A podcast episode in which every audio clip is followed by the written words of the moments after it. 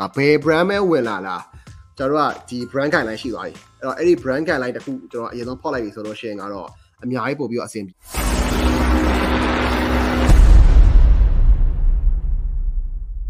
ကိုခန့်ထူအောင်မေးထားတာ product စုံတဲ့ page တစ်ခုမှာတဲ့ page တွေမှာ brand တစ်ခုအောက်ကဆိုပေမဲ့ target မတူ ads မတူ target မတူ ads မတူလို့ engage ဖြစ်ပုံလည်းမတူပါဘူးအခုလို target လမ်းကြောင်းအစုံ run နေတဲ့ page တစ်ခုက organic reach ကိုဘယ်လိုပုံစံနဲ့ affect ဖြစ်နိုင်ပါသလဲ organic reach တွေကျလာတာရောကြုံနိုင်လားဘယ်လိုဖြစ်တဲ့နယ်လို့ထင်ပါတယ်လဲအခု Alex ရဲ့ဖြေချပေးပါအောင်ဆိုတော့ဟုတ်ဒီမှာလဲကျွန်တော်တို့ရဲ့ target land target ဘောင်းများစွာကျွန်တော်တွားလို့ရတယ်ဒါပေမဲ့ကျွန်တော်ဘုံတစ်ခုကိုကျွန်တော်တို့ကအရင်ဆုံး ရွှေ့ရတယ် umbrella တစ်ခုပေါ့လေနော်အဲ့တော့အဲ့ဒီ umbrella ကဘလို့ umbrella လဲဆိုတော့ကိုထီကိုပေါ့ကိုသိရတာပေါ့ right အဲ့တော့ကျွန်တော်စောစောပြောပြတော့ဆိုလို့ရှိရင်တော့ကျွန်တော်ကအာ live style တစ်ခုကိုကျွန်တော်နဲ့တွားမယ်အဲ့တော့အဲ့ဒီ live style မှာကျွန်တော်တို့ကဥပမာဘယ်လိုခေါ်မလဲမိုးရွာရွာနေပူပူအသားညိုညိုမဲမဲအာဖြူဖြူတဲ့မလားဘယ်လိုမဲ့ပဲရှိရှိ watch channel ထွက်ထွက်ပါဖြစ်ဖြစ်ဖြစ် ကျွန်တော်တို့ brand ဒီသူ့ရဲ့ live တစ်ခုလုံးအတွက်ကို protect လုပ်ပေးနေပါမယ်တည်ရဆိုလို့ရှိရင်အဲကျွန်တော်ရဲ့ brand ဒီ customer အတွက်ကို protector တယောက်အနေနဲ့ဒီမှာ share နေပြီးတော့မှဟိုကာပေးနေမဲ့တငယ်ချင်းတယောက် hero တယောက်အနေနဲ့ကျွန်တော်ကရှိနေပေးပါမယ်ဆိုတဲ့ပုံစံမျိုးကိုကျွန်တော်သွားလို့ရတယ်အဲဆိုရင်ကျွန်တော်ရဲ့ brand communication တွေအကုန်လုံးဒီအဲ့ဒီ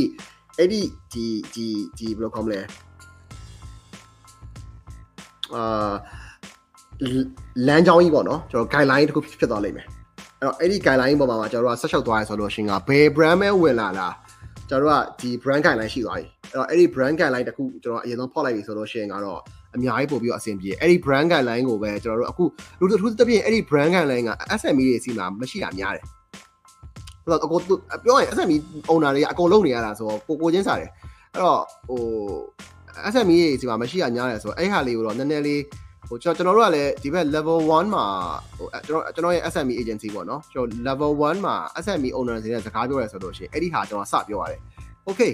ရောင်းတာတွေကတော့ဟုတ်ပြီကျွန်တော်တို့ရဲ့ communications ကဘယ်လိုမျိုးသွားမှာလဲဆိုတော့ brand guideline ကိုကျွန်တော်စတည်ရတယ်အဲ့တော့ brand guideline တည်ပြီးပြီဆိုတော့မှကျွန်တော်တို့ရဲ့နောက်ဆက်တွဲသော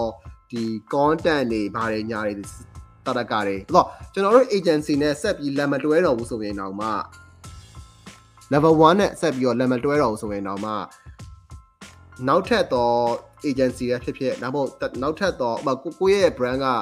အဲနေရာတစ်ခုရသွားလို့ in house ကိုခန့်မယ်ဆိုရင်ဖြစ်ပေါ့နော်အဲ့တော့သူတို့ in house ပဲခန့်ခန့်တခြား agency တွေပဲတွေ့တွေ့ guideline တစ်ခုရှိနေတဲ့အချိန်မှာကျွန်တော်တို့ကထွက်သွားတာနဲ့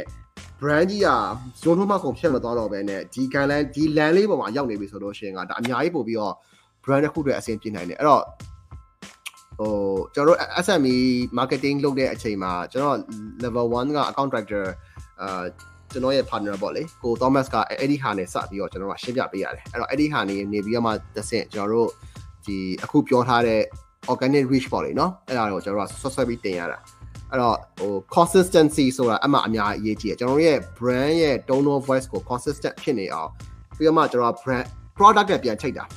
ဒါ product ဒီကျွန်တော်တို့ရဲ့ဆိုတာနောက်ဆုံးမှစဉ်းစားတာကျွန်တော်တို့ product ကိုအဲ့လိုကြီးစဉ်းစားနေရမရှိဘူးကျွန်တော်တို့အရင်ဆုံးဘာစဉ်းစားလဲဆိုတော့ customer ကျွန်တော်စဉ်းစားတယ်သူတို့စဉ်းစားသူတို့ဝါသနာပါတဲ့ trend တွေ topic တွေဘာတွေရှိတယ်ညာရှိတယ်ကျွန်တော်တို့ရဲ့ brand ကိုစဉ်းစားတယ်ကျွန်တော်တို့ရဲ့ brand guideline ထဲမှာဘယ်လိုမျိုးအာ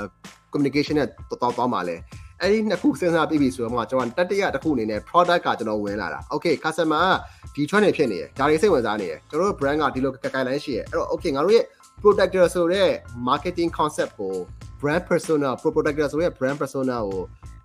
ဒီ customer တွေငါတို့ကသွားမယ်အော် customer ဒါတွေစိတ်ဝင်စားနေတယ်ဒါတွေလုပ်ချင်နေတယ်ဒါတွေကြားချင်နေတယ်အော်ငါငါတို့ brand ကဒါအဲ့တော့အဲ့ဒီအချိန်မှာကျွန်တော်တို့က